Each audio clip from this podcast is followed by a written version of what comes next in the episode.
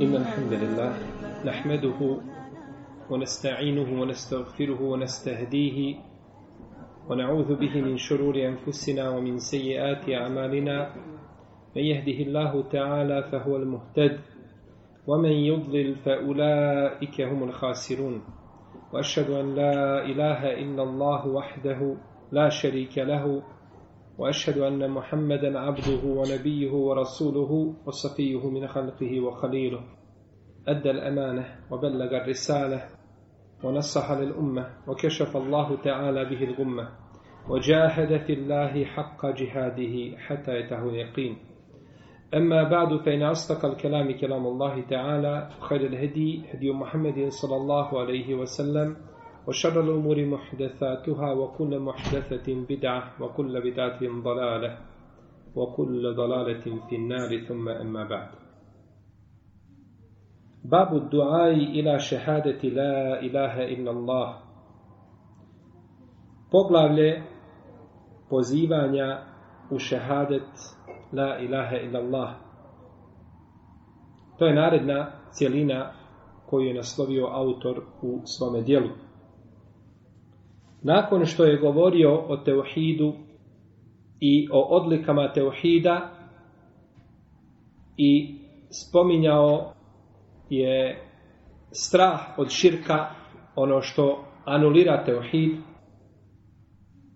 autor je u ovome poglavlju govorio o pozivanju u šehadet la ilaha illallah.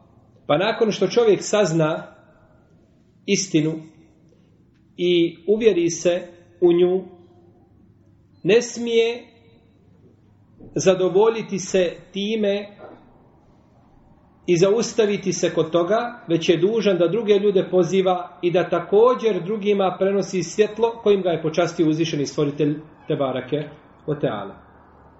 Kao što su činili svi poslanici nakon što su dobili risalet, poslanicu, pozivali su druge u nju. Omen ahsenu qawle mimman da'a ila Allah wa amila salihan wa qala innani minal muslimin. Ako ljepše govori od onoga koji Allahu poziva i uz to čini dobra djela i kaže ja sam u istinu musliman. Pa tako je činio Rasulullah sallallahu alaihi wasallame i svi drugi poslanici i vjerovjesnici. Ovdje je autor spomenuo ajet a spominjali smo da je knjiga Kitabu Teohid, da je to u stvari dijelo u kome je autor spominjao ajete i hadise. I na kraju iz tih ajeta i hadisa zaključivao mesele ili pitanja. Ili koristi koje se mogu izvući znači, iz tih argumenata. Pa je rekao ovdje u kaulu Allahi Teala Kul hazihi sebili ed'u ila Allah ala basiratin ana wa man ittaba'ani wa subhanallahi wa ma ana minal mušrikin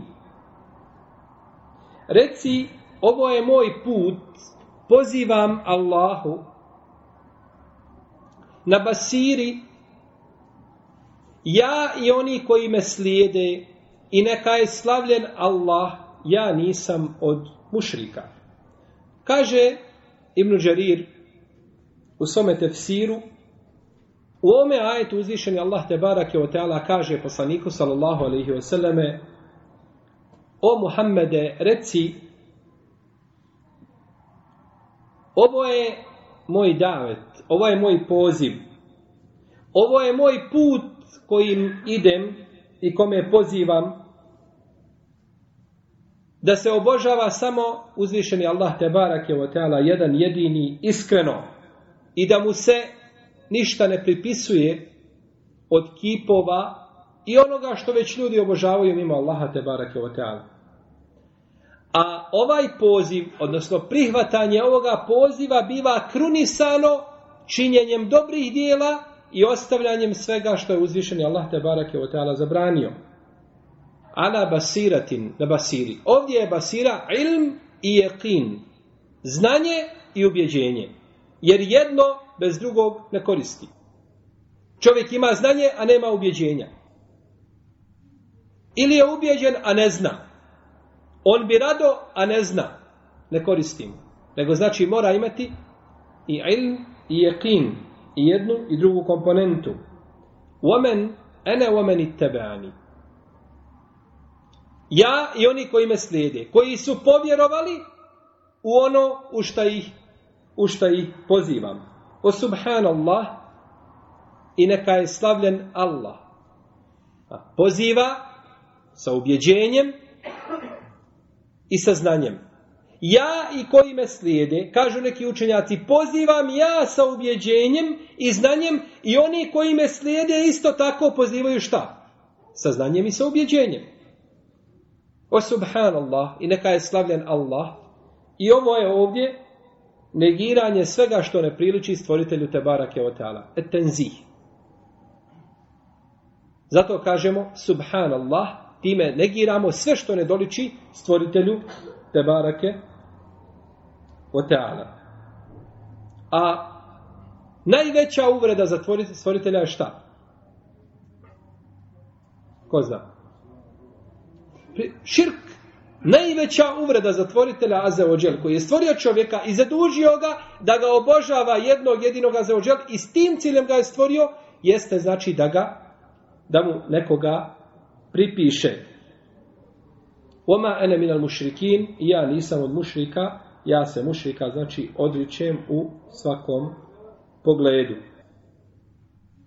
Autor je, kada je govorio o meselama, o pitanjima, ili zaključcima koje je izvukao iz ovih argumenata, spomenuo, kaže, etten bihu ale hlas. Da se ukaže na iskrenost. Ukazivanje na iskrenost. Jer kaže, dosta ljudi poziva u la ilaha illallah, ali ne poziva iskreno. Poziva u la ilaha illallah, u stvari poziva da proklamira sebe time. Ne poziva znači u la ilaha illallah zaista da bi ljudi znači obožavali stvoritelja i da bi se klonuli i da bi se klonuli širka. I kaže isto tako u meselama dokaz je da je basira, znači ilm i jekin da je farz. Znači farz bez koga se ne može ostvariti željeni cilj. I da je od najljepšeg teuhida izbjegavanje širka i ostavljanje i napuštanje širka, jer, kako smo spominjali, to je najveća uvreda na stvoritelju te barake o. I isto tako u meselama je spominjao udaljavanje i bježanje znači i napuštanje i odricanje od mušrika u svakom pogledu. Kaže šehol Islam Ibnul Kajim u tefsiru riječi Allaha te barake o teala Ud'u ila rabbike bil hikmeti wal l wa jadilhum billati hije ahsen. I pozivaj na put gospodara svoga mudro i lijepim savjetom i raspravljaj se sa njima na najljepši način. Kaže šehol Islam ibn Al-Kajim ovako. Imamo tri vrste ljudi koji se pozivaju. A, koje pozivamo u islamu. Ljude koji traže istinu, ničim nisu zabavljeni, traže istinu i ako im dođe, prihvatit će tu istinu. Kaže, takvi se pozivaju mudro. Imate drugu skupinu ljudi koji su zaposleni mimo istinom. Mimo istine, znači nešto drugo obožavaju, ali da im dođe istina, odmah bi je prihvatili. Pa takvi se pozivaju sa lijepim savjetom. I imate treću skupinu, obožavaju nešto mimo Allaha te barake i kada im dođe istina, neće je prihvatiti, odbit će je. Za takve šta? Ođadilhum billetihi ahsen. I sa njima se raspravljaj opet na najljepši, na najljepši način. Od Ibn Abbasa se prenosi, kako bileže Buharija i Muslim, da je Rasulullah sallallahu alaihi wasallam poslao Muaza ibn Džebela, radijallahu ta'ala anhu, u Jemen. Pa mu je rekao inneke te'ti qaumen min ehlil kitab. Ti ćeš doći ljudima koji su sledbenici knjige. فَلْيَكُنْ أَوَّلَ مَا تَدْعُوهُمْ إِلَيْهِ شَهَادَةُ أَنْ لَا إِلَهَ إِلَّا اللَّهِ pa neka bude prvo u što ćeš ih pozivati u šahadet, da nema drugog Boga osim Allah. A u drugoj predaji ila an yuwahhidullah. Pozivaće ih, poz, pozivaćeš ih da obožavaju samo Allaha. Da samo njemu robuju. Pa ako ti se pokore u tome, onda ih obavijesti da im je uzvišeni Allah propisao pedjevni namaza. Pa ako ti se pokore u tome, onda ih obavijesti da im je uzvišeni Allah propisao sadaku, to jeste zekijat. Tuhadu min agnijajihim, oturedu ala fukarajihim. Uzima se od njihovih bogati i daje se njihovim siromašnim. Pa ako ti se, i kaže dobro se čuvaj lijepog imetka njihovog, i čuvaj se dove mazluma. Čuvaj se dove čovjeka kome je učinjena nepravda. Bejnehu lejse bejneha o bejne Allahi hijabom. Jer između te dove i između Allaha, u smislu primanja dove, nema hijaba. Nema hijaba. I ovaj hadis bilježe Buharija i Muslim.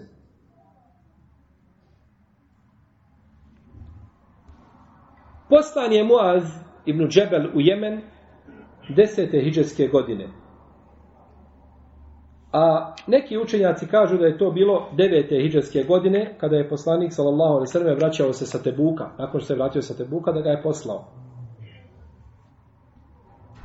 Ali su složni učenjaci da nije Muaz ibn Džebel vidio poslanika sallallahu alaihi sallam nakon odlaska u Jemen. Već da se vratio u vrijeme halifeta, uh, hilafeta Ebu Bekra, radijallahu ta'ala. Potom je otišao u Šam i u Šamu je živio do svoje, do svoje smrti. Kaže šehol Islam ibn Tejmije, od velikih odlika Muada ibn Džebela jeste to što ga je Rasulullah s.a.v. poslao u Jemen kao svoga namjesnika, da pouči ljude vjeri. Od Akajda prvo, a, prvo što ćeš ih pozivati, šta? Šehadet, en la ilaha illallah. Ila en yuwahidullah, da obožavaju samo Allah. I potom da ih pouči namazu i zekijatu, znači od Akajda propisa, da bude sudija među njima, kadija, znači da oponaša ovaj njima vjerskog, znači vođu u Jemenu. Doći ćeš, kaže mu Rasulullah, sallallahu doći ćeš ljudima koji su sledbenici knjige.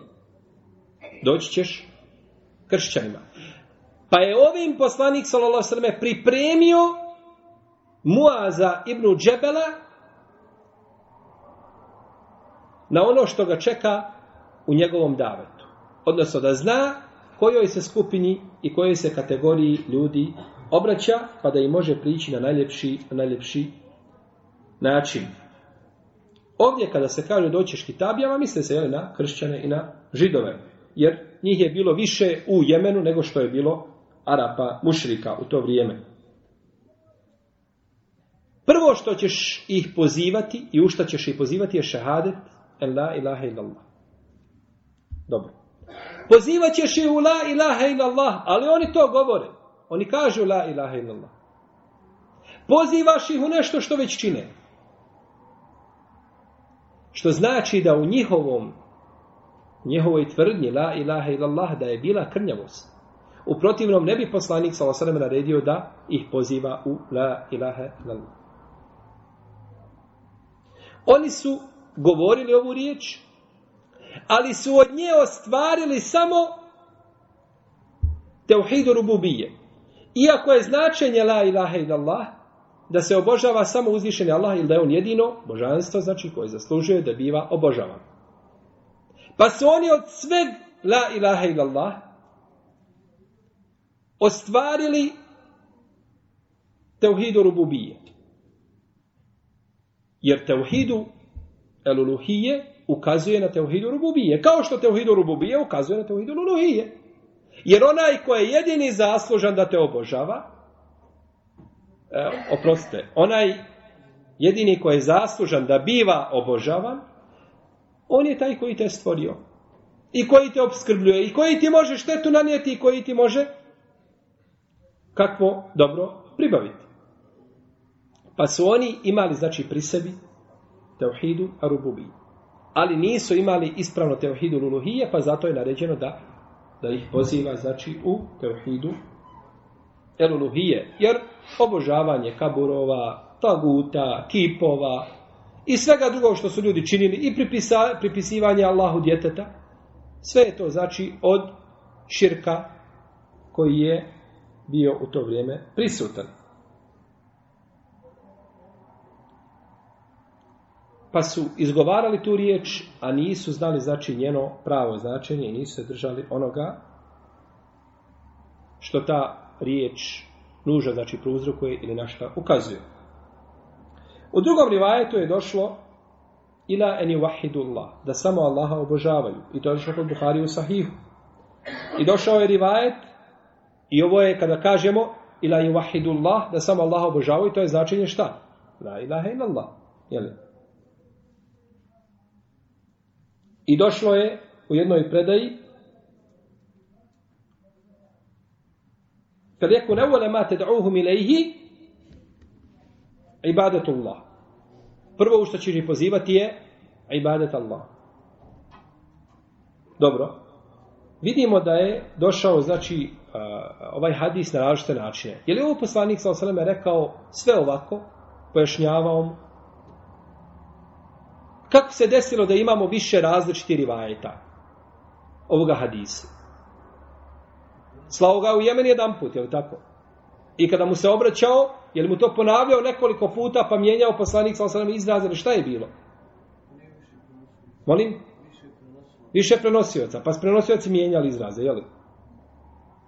Znači, ovo je hadis u značenju. Hadis se prenosi u značenju. Ja rekao da pozivaš u šehadet la ilaha illallah. Ja rekao da pozivaš u samo obožavanje Allaha te barek Ili da pozivaš u ibadet Allah. Sve je to isto šta? Sve se u jedan kalup sasipa, samo su različiti izrazi. Pa je to rivajet u značenju. Znači, prenosen je u značenju, što je dozvoljeno kod islamskih učenjaka. Ali rivajet u značenju može prenositi samo onaj ko dobro poznaje, znači, i šarijatska pravila, šarijat je li, i ko poznaje dobro arapski jezik. Da ne bi protivno promijenio, znači, da ne bi promijenio značenje. Pa su svi ovi izrazi u jednom značenju. Da se obožava samo uzvišeni Allah i da se čovjek kloni svega onoga što se obožava mimo Allaha te barake o teala da učini znači nevjerstvo u taguta i u znači božanstva mimo Allaha za ođel feme jekfur bit taguti min billah.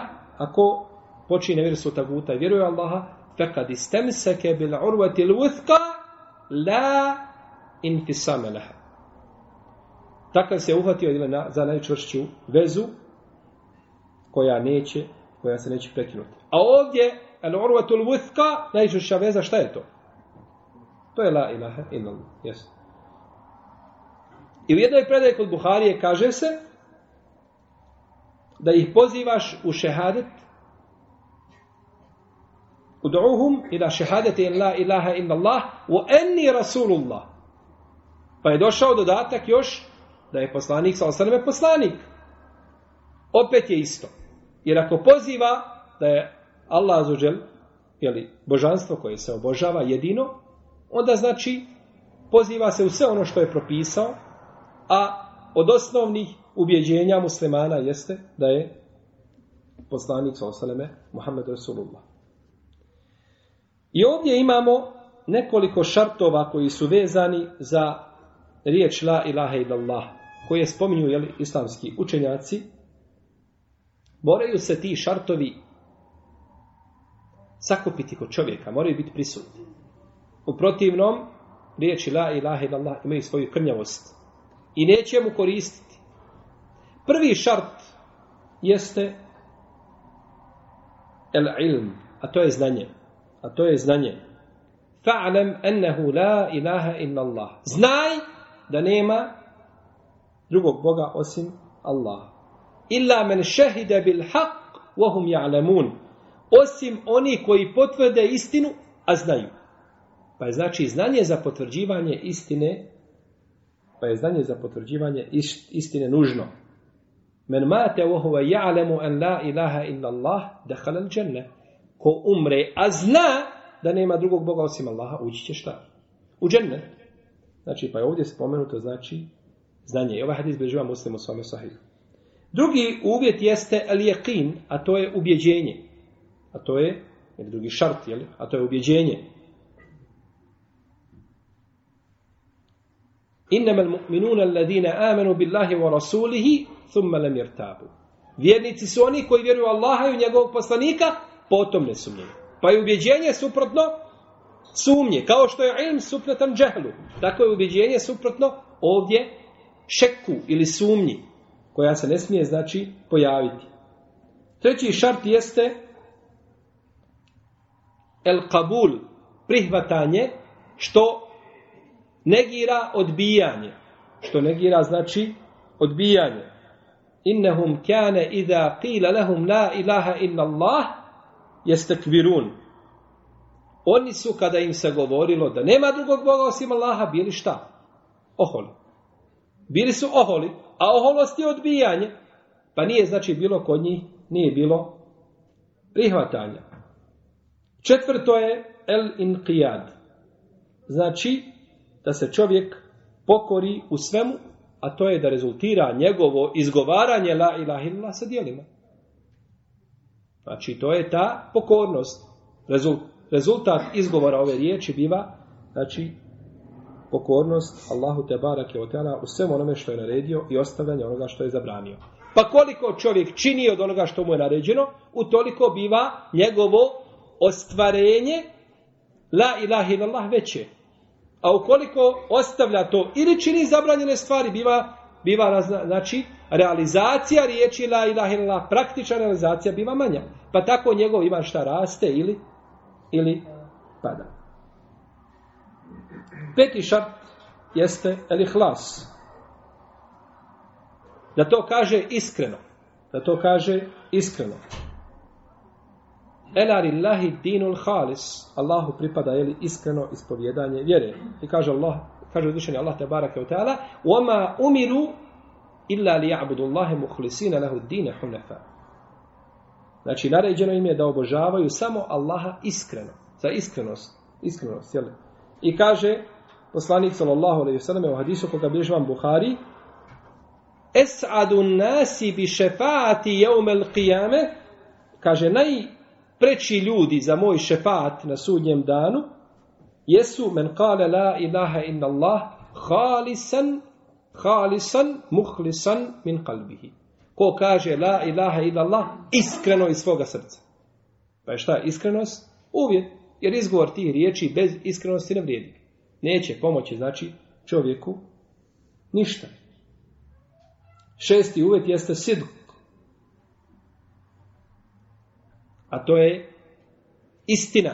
Istinitost što je suprotno, znači što je suprotno laži. فَلَيَعْلَمَنَّ اللَّهُ الَّذِينَ صَدَكُوا وَلَيَعْلَمَنَّ الْكَاذِبِينَ Pa će Allah znati one koji su iskreni u svome govoru i one koji su koji su lažovi. I kaže poslanik sallallahu alejhi ve selleme Ko umre, a svjedoči da nema drugog Boga osim Allaha i da sam ja njegov poslanik, sadiqan min kalbihi dakhala al-janna. Iskreno iz srca ući će šta? Sa istinom, jeli, iskreno ući će u džennet. Pa između sidka i hlasa ima veze. Ima, znači, među njima veza koja ih veže. I sedmo je el-mehabbe, a to je ljubav a to je ljubav. Kako je rekao poslanik sa osaname, osjetit će a, slast imana onaj ko, kome budu Allah i poslanik draži od svega što je mimo njih. I ko bude volio čovjeka, ne voli ga osim radi Allaha. I ko bude mrzio da bude vraćen u paganstvo, nakon što ga uzvišeni Allah izbavio iz njega kao što mrzi da bude bačen u vatru džahannama. Pa sto uvjeti, znači, za ispravnost riječi la ilaha illallah. Pa je izgovor riječi, znači, ovih mora biti nužno popraćen, znači, sa onim što šarija traži od čovjeka od činjenja do obaveznog i ostavljanja zabranjeno. I u la ilaha illallah su znači pozivali svi poslanici. To je bila njihova misija. Od Nuha salam do zadnjeg poslanika. Bez imalo razlike. Svi su znači pozivali u istu stvar. Kaže šehol Islam ibn Tejmije. Poznato je u šerijatu. I na tome se slažu islamski učenjaci. Da je asl u islamu. Znači za ljude ulazak u islam, odnosno izgovaranje šehadeta la ilaha illallah i da je Muhammed Allahu poslanik. On je Muhammed Rasulullah. I time nevjernik postaje muslima. I time nevjernik postaje muslima. I postaje neprijatelj prijatelj. I postaje čovjek čija je krv bila halal. Postaje onaj čija je krv sveta i njegovi metak.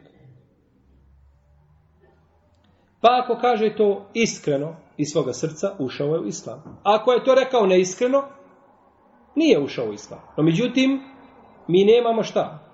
Puta i načina da to saznamo osim vahijom ili objavom. Ili da čovjek jasnim argumentima pokaže da je to rekao neistinito. Uglavnom, ta znači unutrašnjost je Allahu te barake o teala, mi nemamo puta, jeli do nje. Čovjek koji bi ne bi izgovorio ovu riječ, a može izgovoriti, ne bi bio musliman kod sve uleme.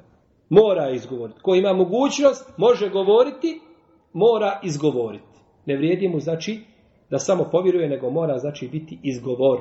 Mora biti izgovor te riječi. I prva obaveza čovjeka jeste da obožava Allaha da povjeruje u njega i da ga iskreno obožava. Ne kao što kažu neki da gleda, da razmišlja, pa da prvo pripiše Allahu druga, pa da on kaže e, ne može Allah imati druga, pa da to logičkim nekakvim razmišljanjima pobija, ne bi li kako došao do istine. Prvo učini širk ili kufur ili prvo odeš od alalet pa se onda vraćaš u istinu. Ne. Obaveza ti je da povjeruješ, to je prva obaveza ljudi da povjeruju Allaha te barake o A ulaze u islam, kako je rekao šehol islam, imate ime riječima la ilaha illallah. I na ovome ćemo se malo zaustaviti. Znači, ulazak u islam riječima, znači, la ilaha illallah. Uzvišen je Allah te barak je odala je poslao poslanika sallallahu da poziva ljude u islam. I njegovo pozivanje u islam je bilo da je tražio od ljudi da izgovore ove riječi. Došlo je kod Ibn Hibbana i Ibn Huzeyme sa ispravnim lancem prenosilaca od Tarika ibn Abdillaha el Muharibija da je rekao Vidio sam poslanika sallallahu alejhi ve selleme na pijaci kako a na njemu crveni ogrtač kako se obraća ljudima i govori o ljudi recite la ilaha illallah uspećeni. I bilježe Buhari i Muslim i drugi da je poslanik ve selleme rekao Muazu ibn Džebelu, je Poziva ih u la ilaha illallah. Prva stvar. Pa su time šta postajali? muslimani. Pa nakon islama dolaze praktični obredi koji su obavezni da čine. I ome komentar ovoga hadisa kaže Ibn Hajar, u njemu je dokaz da nevjernik postaje muslimanom nakon što očituje dva šehadeta. Imam Ibn Menda je u dijelu svome Liman u prvom tomu naslovio poglavlje dokazi koji ukazuju da se izgovaranjem riječi la ilaha illallah postaje musliman i da i metak i život čovjeka koji očituje šehadet postaju sveti.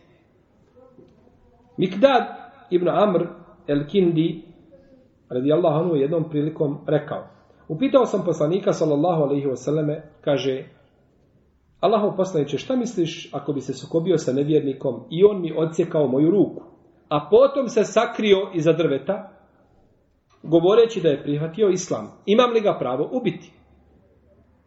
Kaže mu poslanik sallallahu nemaš ga pravo ubiti. Pa ja mu reče Allahov poslanice On je izgovorio te riječi nakon što mi je osjekao ruku. Pa je poslanik sallallahu rekao: "Nemaš ga pravo ubiti. Ako ga ubiješ, on će imati tvoj prijašnji status. A ti ćeš imati status njegov prije nego što je izgovorio te riječi. Ako ga ubiješ. I poznato je predanje u same Ibn Zaid kada je ubio mušrika. s onim Ensarijom. Kada je izgovorio la ilaha illallah, Ensarija se okrenuo, a Usame ga je probao, je li probao ga kopljem. Pa je poslanik sa osanem rekao, o Usame, za se ga ubio nakon što je izgovorio la ilaha illallah. Usame se branio, kaže Allaho poslaniče, to je izgovorio samo da se spasi smrti. Kaže, a ti znaš šta je u njegovom srcu? U drugoj predaji, kaže, šta ćeš na sudnjem danu sa la ilaha illallah? Kako ćeš odgovoriti? Kako ćeš odgovoriti? Pa kaže Usame, poželio sam da toga dana, da sam tek toga dana prihvatio islam. Enes ibn Malik radi Allah onu prenosi da je poslanik sa osaname posjetio nekog dječaka, židova koji se razbolio, a ponekad je služio poslanika sallallahu alaihi wasallam. Stao iza njegove glave i rekao mu reci la ilaha illallah. Pa je gledao dječaku svoga oca, a poslanik sallallahu je ponavljao ono čemu ga je pozivao. Pa je rekao njegov otac židov, kaže, poslušaj, odazovi se Ebul Kasimu, to jeste poslaniku, sallallahu alaihi wasallam. Kada je dječak izgovorio dva šehadeta, Rasulullah sallallahu alaihi wasallam je rekao hvala, hvala Allahu koji ga je mojim uzrokom sačuvao, mojim uzrokom sačuvao vatre.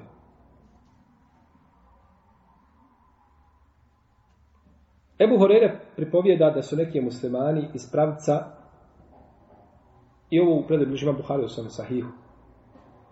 A narednu bilježe Buhari i muslim. Znači, prenose Ebu Horere da su neki muslimani iz pravca Nežda zarobili čovjeka po imenu Semama ibn Uthal. Pa su ga zavezali za jedan džamijski stup. I nakon tri dana poslanik s.a.v. naredio ashabima da ga oslobode. I oni su to učinili, pa je otišao nedaleko od džamije, okupao se i vratio se nazad i rekao svjedočim da nema drugog Boga osim Allaha i da je Mohamed Allahov poslanik. Pa je poslanik Salosrme prihvatio od njega njegovo svjedočenje, jeli, svjedočenje njegovog islama. Imam Ibn Nasr Mervezi kaže, razmišljajući o kuransko-hadijskim tekstovima, zaključio sam da se izgovaranjem šehadeta ulazi u islam. Svevišnji Allah je rekao, Allah svjedoči da nema drugog Boga osim njega i njegovi meleki učeni postupajući pravedno, nema Boga osim njega silnog i mudrog. Allahu je prava vjera jedino islam. Šehol sam Ibn Kajim je govorio, kada je govorio o razilaženju učenjaka o pitanju da li se samo priznavanje poslanikovog salosaname poslanstva, da li se time ulazi u islam ili ne, rekao je, naime, neki učenjaci smatraju da se time postaje musliman. Znači, kada bi čovjek samo rekao, svjedočim da je Muhammed Resulullah. Ulazi li time u islam? Razilaženje. Pa neki kažu da ulazi, a drugi kažu time samo ne ulazi u islam. A neki prave razliku između onoga koje je priznavao Allaha te barake o teala, svjedočio da nema drugog Boga osim Allaha, a nije priznavao poslanstvo šta? Poslanika sallallahu alaihi sallam. Pa ako to prizna, onda time ulazi, jeli? Time ulazi u islam. Za razliku od mnogobožaca koji ne mogu, koji onako ne priznaju jeli Allaha za jednog gospodara, pa moraju znači izgovoriti oba dva šehadeta. Imam Sarhasi, poznati anefijski pravnik, kaže Odmeti kod Islama pokajat će se izgovaranjem dvaju šehadeta i odricanjem otpadništva koje je počinio. Čime ulazi ponovo Islam? Izgovaranjem šehadeta. Poznati anefijski pravnik Kasani kaže na osnovu sljedeće tri stvari možemo znati da li je određeni čovjek vjernik. Prvo, izgovaranjem jednog ili oba šehadeta i jasno odricanje od nevjerstva na kome je bio. Ibn Ređep al-Hambeli kaže, opće je poznato da je poslanik s.a.v. prihvatio islam od onoga koji izgovori samo dva šehadeta. Na osnovu toga bi ga smatrao muslimanom, a njegov život svetim. Upravo je zato usudio u samo Ibn Zejda kada je ubio mnogo božca koji izgovorio šehadet La ilaha illallah. Na drugom mjestu uh, Ibn Ređep kaže ko izgovori dva šehadeta ima status muslimana. Imam Neovi tvrdi kada nevjernika neko postakne da iskreno izgovori la ilaha illallah Muhammedu Rasulullah time postaje musliman po konsensusu islamskih učenjaka. Bez raziloženja. Time šta ulazi u, u islam. A u dijelu El Minhaj u četvrtom tomu kaže, imam neovi, to je El Minhaj, to je komentar uh, muslimovog sahiha. Izgovaranjem dvaju šehadeta postaje se musliman. I slično je rekao imam Mavrdi u dijelu El Insaf. Imam Behuti je govorio, kada bi kršćanin ili židov izjavio ja sam musliman ili prihvatio sam islam, time bi postao musliman, makar ne izgovorio dva šehadeta. Šta da kaže samo ja sam musliman. Kao što ima muslimana koji kažu, ako tako i tako se desi, ili ako se desilo tako i tako, ja sam kršćanin. Ili kaže, ja sam kafir. Znači, i ako se to desi, on je šta? Kafir. Čitao sam čak neke fetve da kažu, i ako se to ne desi, on je kafir. Zato što je sam sebi dozvolio takvu stvar. Allahu alem, koliko to je ispravno, no međutim, ako se desi ono što je kazao, bez sumnje, nevjernik, znači, izišao iz islama. Iako nije ubijeđen, ne dok je kazao te riječi, ako se desi tako i tako, znači, odmah po dešavanju toga čovjek izlazi iz vjere. Ebu Tajib, El Abadi u svome komentaru na Ebu Daudov Sunan, koji zove Anul Mabud, kaže, prihvatanje Islama ogleda se u izgovaranju šehadeta. Čak neka ulema smatra da čovjek nevjernik koji bi bio viđen da klanja sa muslimanima, da je time ušao šta u? U islam. To kažu ambelijski učenjaci. Hanefijski su postavili četiri šarta za to. Ako se ispune, ušao u islam. Čak i ako šta ne izgovorio, šadet. Pa šta je onda sa osobom koja izgovori, znači, koja izgovori, jeli, jasno šehadet. I osoba koja izgovara, znači šehadet, dovoljno je da zna, znači, načelna značenja šehadeta i onoga što povlači za sobom. Nije dužnost da poznaje pojedinosti. Niti svaki, znači, šart sa detaljem, nego znači općenito da poznaje značenje la ilaha illallah i to je stanje većine muslimana. Većina muslimana ne znate nabrojati šartove, ali u općenitosti, jeli mnogi od njih imaju znači te uvjete pri sebi. Pa je znači absurd da se od ljudi traži da mu spominješ tagute po imenu jednog po jednog, pa je se odrekao toga taguta, pa je iz toga pa je živio, ne treba meni islam. Kod se komplikovanije uči u islam, šta je onda sa ostankom u islamu? I kakav je onda sam islam po svojoj praksi? Znači, ta, to općenito poznavanje, šehadeta la ilaha illallah, uvodi ljude u islam, a ulema je ta koja poznaje znači detalje i koja poznaje finese svega toga. U protivnom ćemo napraviti od masa, jeli, učenjake. I ovdje je dokaz da čovjek ponekad može biti učen i da kaže la ilaha illallah, a da ne zna značenje. Da je to la ilaha illallah neispravno, taj njegov izgovor. Nema svih uvjeta. Može biti učen mimo šerijata, a može biti učen i u šerijatu pa izgovori te riječi, ali ne zna njihovo pravo značenje. Pa ako ti se oni pokore u tome, znači, ako ti se pokore, u čemu? U izgovoru riječi la ilaha illallah, obavijesti da im je uzvišeni Allah te barak je propisao pet dnevni namaza. Pet dnevnih namaza. I ovome je dokaz da je namaz najvrijedniji praktični obred nakon nakon izgovora šehadeta. Ovdje se postavlja pitanje da li su nevjernici obavezani sa namazom, postom, zakijatom i hađom? Jesu.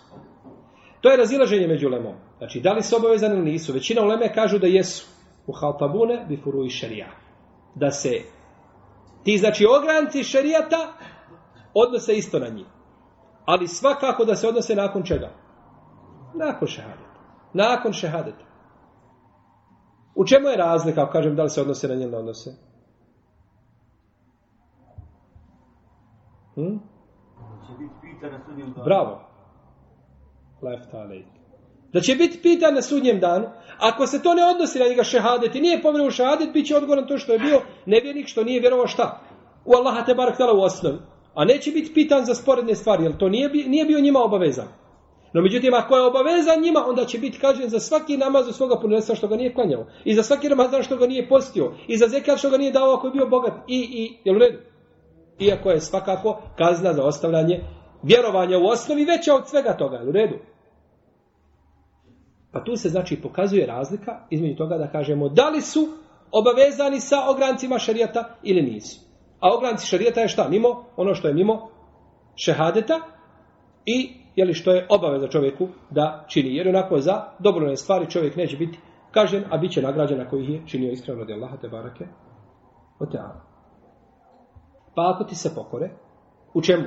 Obavljaju namaza, što kazuje na odliku namaza, obavijesti da im je Allah propisao zekat, uzima se od njihovih bogatih i daje se njihovim, daje se njihovim siromasima. I u ome je dokaz da je zekat znači najbitniji obred nakon čega? Nakon namaza. Nakon namaza. Uzima se od siromašnih, od bogatih daje se siromašnih. Vraća se, to redu ala fukara ihim, njihovim fukarama. A fukara u šarijetu je čovjek koji nema ništa. A miskin je koji ima, a nema dovoljno. A miskin je koji ima, a nema dovoljno. No međutim, kada u šarijatu dođe samo fukara, odnosi se na miskina. A kada dođe miskin, odnosi se na fukaru. Kao islam i iman. Kada se spoje, onda se značenja šta? Razdvajaju. A kada se razdvoje u kontekstu, onda se značenja spajaju. Pa kada kažemo musliman, mislimo i na islam i na iman. I vjernik je musliman. A kada se spoje, onda se razlikuju. Pa onda biva vjernik, znači iman biva samo, jeli, ono srčano objeđenje, u te njegove meleke, poslanike, knjige, sudnji dan, kader, a islam biva šta? Praktični dio. A kada se razdvoje u kontekstu, onda imaju ista značenja. Onda imaju ista značenja. Tako isto i ovdje. No, međutim, ovdje je spomenuto u hadisu, vraća se siromasima zato što siromah ima najveće pravo u zekijatu. I najviše se zekija daje šta? Siromasima. Pa je zato spomenu siroma, a u svakom slučaju ulaze ili ostale kategorije ljudi koji su spomenuti ili svakako u suri, u suri Eteube. I u ome je dokaz da je imam taj, ili vođa muslimana, halifa koji se brine o zekijatu ljudi. Određuje čovjeka koji se zove Esai, koji će ići i znači kupiti zekijat od ljudi. I prisilno će uzeti zekijat ako ne htjedu da ga daju da zagovoljno. I ome hadisu je dokaz da nije dozvoljeno dati zekijat bogatašu, niti nevjerniku. A. Osim kome? Da se pridobio srca. To je jedna kategorija oko koje postoji razilaženje. A. Oko davanje ljudi čija srca trebaju pridobiti, nije jednoglasan stav islamskih učenjaka da nevjernici ulaze u to. A ima mišljenje da ulaze. U protivnom je po konsensusu uleme, koja koga spominju brojni učenjaci u svojim fikskim knjigama, zabranjeno nevjerniku dati pare od sadake obavezne. Misle se na. Jer je nazvano u Kur'anu kako? Inneme sadakatu li fukaraju ili mesakin. Je nazvana kako? Sadakom. Huz mine walihim sadakaten tutahhirhum tuzakkihim biha wa salli alejhim. Uzmi dio imetaka šta? Sadaku. Misli se na zekijat, je ovdje naredba da se uzima. Jel? Pa kada se kaže sadaka, u šarijatu odnosi se, može odnositi na oba, obaveznu sadaku, a može i na dobrovoljnu. I ome hadisu je dokaz, odnosno u jeli, ovoj predaji, da se uzima imetak, odnosno zekijat iz imetka djeteta i lude osobe. Gdje je dokaz? Ko zna? Molim? Gdje je dokaz? Reci. Zato što uh, oni nisu dužni da klanju, znači ljudi iz toga kao i. Pitanje glasi ovako. U hadisu koga smo citirali, kada je poslanik sa osvijem poslao Muad ibn Džebla u Jemen, pa mu rekao, i ako ti se pokore u namazu, obavijesti da im je uzvišeni Allah propisao zekat, uzima se iz izmetka bogatih i daje se siromašnima. Gdje je u hadisu dokaz da se uzima zekat iz imetka djeteta i lude osobe? Baš tako. Ajet nije, odnosno hadis, a ni ajet prije toga, nisu napravili razliku između djeteta i lude osobe, je tako? Nisu napravili razliku. Dok dostigne stepen nisaba, nema ništa u šarijetu što bi dijete izdvojilo iz tog propisa ili ludu osobu. Pa znači ulaze u opće značenje čega? Šarijetski argumenta. U protivnom morali imati argument znači koji izdvaja jeli, ove, koji izdvaja ove skupine. Pa šta ćemo sa tim imetkom? Poješće ga zekijat. O imetku jetima neko se brine. O imetku djeteta neko se brine. O imetku lude osobe neko se brine, jel tako? Ne može luda osoba imati imetak pri sebi.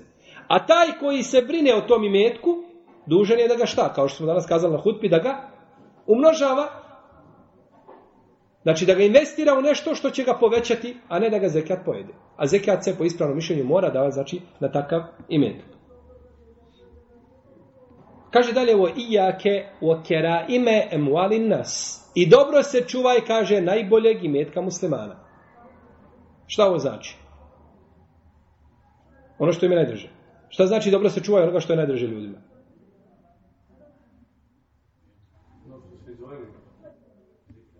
Pri uzimanju zekijata. Nemoj mu prilaziti njegovom najdržem imetku. Znaš da mu je u srcu, nemoj mu srce čupati iz grudi. Jel u redu? Nemoj mu uzimati njegov najljepši i najbolji imetak. Znači, nemoj uzimati stoku koja ima najbolje vime ili koja ima najviše mesa na svome tijelu, najljepšeg izgleda, najveća, nego uzimaj iz srednjeg imetka. Nego uzimaj iz srednjeg imetka. Pa je zabranjeno čovjeku koji ide, esai, koji uzima imetak, da bira najljepše. Uđe u stado i kaže jedan, dva, tri i probere najljepše ovce. To je zabranjeno. To je zabranjeno. Pa ovdje imamo dva šarta. Imamo šart koji se veže za čovjeka koji daje zekijat i za onoga koji uzima zekijat. Čovjek koji daje zekijat, tvoj šart je da ne daješ najgori metak. Kako došlo u hadisu, volem jes elkum šarrahu. Niti je uzvišen Allah traži od vas najgori metak. Koga ne biste dali osim za, ne biste ga vi primili osim zatvoreni očiju. Ovca je onako šepava, stara, gotova krepati i kažeš neka bude zekijat. Kao što nije dozvoljeno čovjeku koji je zadužen za prikupljanje zekijata da uzima najbolji metak od ljudi. Nego se uzima iz srednjeg. Min eusati emualikum. Tako je došlo u hadisima poslanika Salosan. I imam, Malik je zabilježio u svome e, u svojim uvati i drugi, da je Omar radijallahu anhu vidio ovcu jednu lijepu, debelu ovcu da prolazi, pa kaže, odakle je ova ovca? Kažu, to je od sedake, od zekijata. Pa kaže Omer, nije ovo čovjek dao drage volje. Ovo je njemu neko na silu uzeo. Neće ovo niko dati drage volje, tako lijepo ovcu. Kaže, nemojte iskušavati ljude. Nego kaže, uzimajte iz njihovog srednjeg imetka. Pa kad se daje zekijat, ni jedna ni druga krajnost, nego se znači daje taj srednji imetak koji je, jeli, uglavnom, jeli, prisutan kod, kod ljudi. I čuvaj se dobro dove dao etel mazlum, dove čovjeka koji, kome počinje nepravda, to jeste učini između sebe i te dove pregradu. Kako pregradu? Nemoj mu činiti nepravdu, pa da dovi protiv tebe. Nemoj mu činiti. Jer kaže u drugom hadisu poslanik sallallahu fa innaha tuhmalu ala al-ghamam yaqulu Allahu azza wa jal wa izzati wa jalali la ansurannaki walau ba'da hin kaže ta se dova nosi na oblacima i uzvišeni Allah kaže tako mi moje snage i moga ponosa ja ću te pomoći taman nakon određenog određenog vremena. I u ome hadisu je znači a, upozorenje da se ne čini bilo kakva vrsta zulma. I ome hadisu je također dokaz da se prihvata haber ili vijest jednog čovjeka. Neko kaže mora doći mutevatir. U akidi mora biti šta? Mutevatir. Znači samo ajeti i hadisi koji su mutevatir. Što je batil da ne može biti veći batil. Ja sam jednom raspravljao čovjek, doktor šerijata. I tako smo raspravljali, kaže, mora biti mutevatir. Ja mu kažem, dobro doktore, onda po tvom svatanju, bar jedna, jedna četvrtina naše akide ne može se prihvatiti. Bar jedna četvrtina, minimalno nešto. Ako nema i više od toga. Gleda u mene, kaže, u pravu si. Kaže, šta ja mogu? Znači, jedna četvrtina naše akide je batel. Pa to je usluga onima koji žele da da učine znači islam krnjavom vjerom kao što su druge vjere. Sve što dođe vjerodostojnim lancima prenosata, tamam hadis da je hasen, ne mora biti sahih, hasen u akidi se prihvata. Jer kada bi mi sada poslali odavde iz znači, Evrope, tri čovjeka da odu da pozivaju kineze u islam. I kažu kinezi, mi ćemo milijarda kineza primit će islam, Ali ste trojica došli. Mora doći mu tevatir. Mora vas biti bar 40. Da prihvatimo islam. Poslanik sa osvijem poslao Muazda ibn Džebela u Jemen i kaže čemu ih pozivaj prvo? U la ilaha. Je to akida? Pa to je temelj akide. Nije poslao sa njim skupinu ljudi, nego poslao jednog čovjeka da, da ih obavijesti o, da ih obavijesti o islamu. I ome hadise je dokaz da se u islam poziva postepeno. Ide bitnije pa bitno. Bitnije pa bitno. Šehadet, namaz, znači, i već kako ide. Kaže šehol islam tejmije, u ome hadisu ima jedan problem. A to je što nije spomenut post i hađ. Je u redu? Spomenut je šta? Šahadet i namaz i zekijat. A gdje su post i hađ? Pa je pokušao objasniti ovo, znači, šehol islam ibn Tejmije, da je htjelo time da se ukaže na stvari koje su vidne, koje se čine i tako dalje. No međutim, ispravno je tumačenje da je ovo prenosio ravija u značenju. I da nije spomenuo šta posta i zekijat. Posta i, posta i hađa. Da nije spomenuo znači posta. To je ispravno, znači mišljenje da je prenesen hadis u značenju, To nije osuda ravije. Mnoge ravije su prenosile. Imam Buhari u svome sahiju. Jedan hadis spomene na jedan, na dva, na tri, na pet, na deset mjesta. Čak jedan hadis ponavlja na 36 mjesta u svome sahiju. I uzima iz hadisa ono što mu je šta? Bitno. Ja sam išao, išao tog hadisa u sahiju od predaje do predaje. Od rivajeta do rivajeta. I upoređivao. Nigdje nijedan nije isti. Na 36 mjesta svi različiti. Bilo u Senedu, bilo u metnu. Ali razlika postoji. Nigdje imam Buharija nije ponovio hadis isti, kompletno lance prenoslaca i metnom tekstom hadisa ovaj u svome sahiju. Nego kada ga ponovi, ponavlja ga i dođe sa nekakvom koristom. Pa je kratio hadise, uzimao znači iz hadisa, neka spomene priču u cijelosti, neka spomene samo dio iz te priče, ono što je nužno da njime dokaže u tom poglavlju, slično tome. Pa je dozvoljeno znači da se krati hadis i u tome nema ništa, znači ovaj, uh, nema ništa loše, a mi znamo hadis je li Ibn Omara buni je islamu ala hams. Islam se gradi na pet stvari, je li tako? Šehade da nema drugog Boga, i Boga osim Allaha za ođel, i da je Muhammed sa osram njegov poslanik, šta? Namaz, post, zekat i hađ. Pa jasno znači da se i ove stvari, jeli, da svakako ulaze jeli, u značenje ovoga hadisa. Odnosno značenje jeli, a, a, a, temelja jeli, vjere kojima je, kojima je pozivao jeli, Muaz ibn Džebel stanovnike Jemena. I nakon toga autor je spomenuo hadis Sehla ibn Sada, o kome ćemo inša govoriti u našem narednom druženju. Da će Allah te barak da nas pouči našoj vjeri sunnetu poslanika sa osanami, da su učvrsti na istinu, da su usmrti na riječima la ilaha ila Allah i da nas proživi u društvu muahida, iskrenih Allahovih robova, إنه ولي ذلك والقادر عليه. الله تعالى أعلم. وصلى الله على نبينا محمد وعلى آله وأصحابه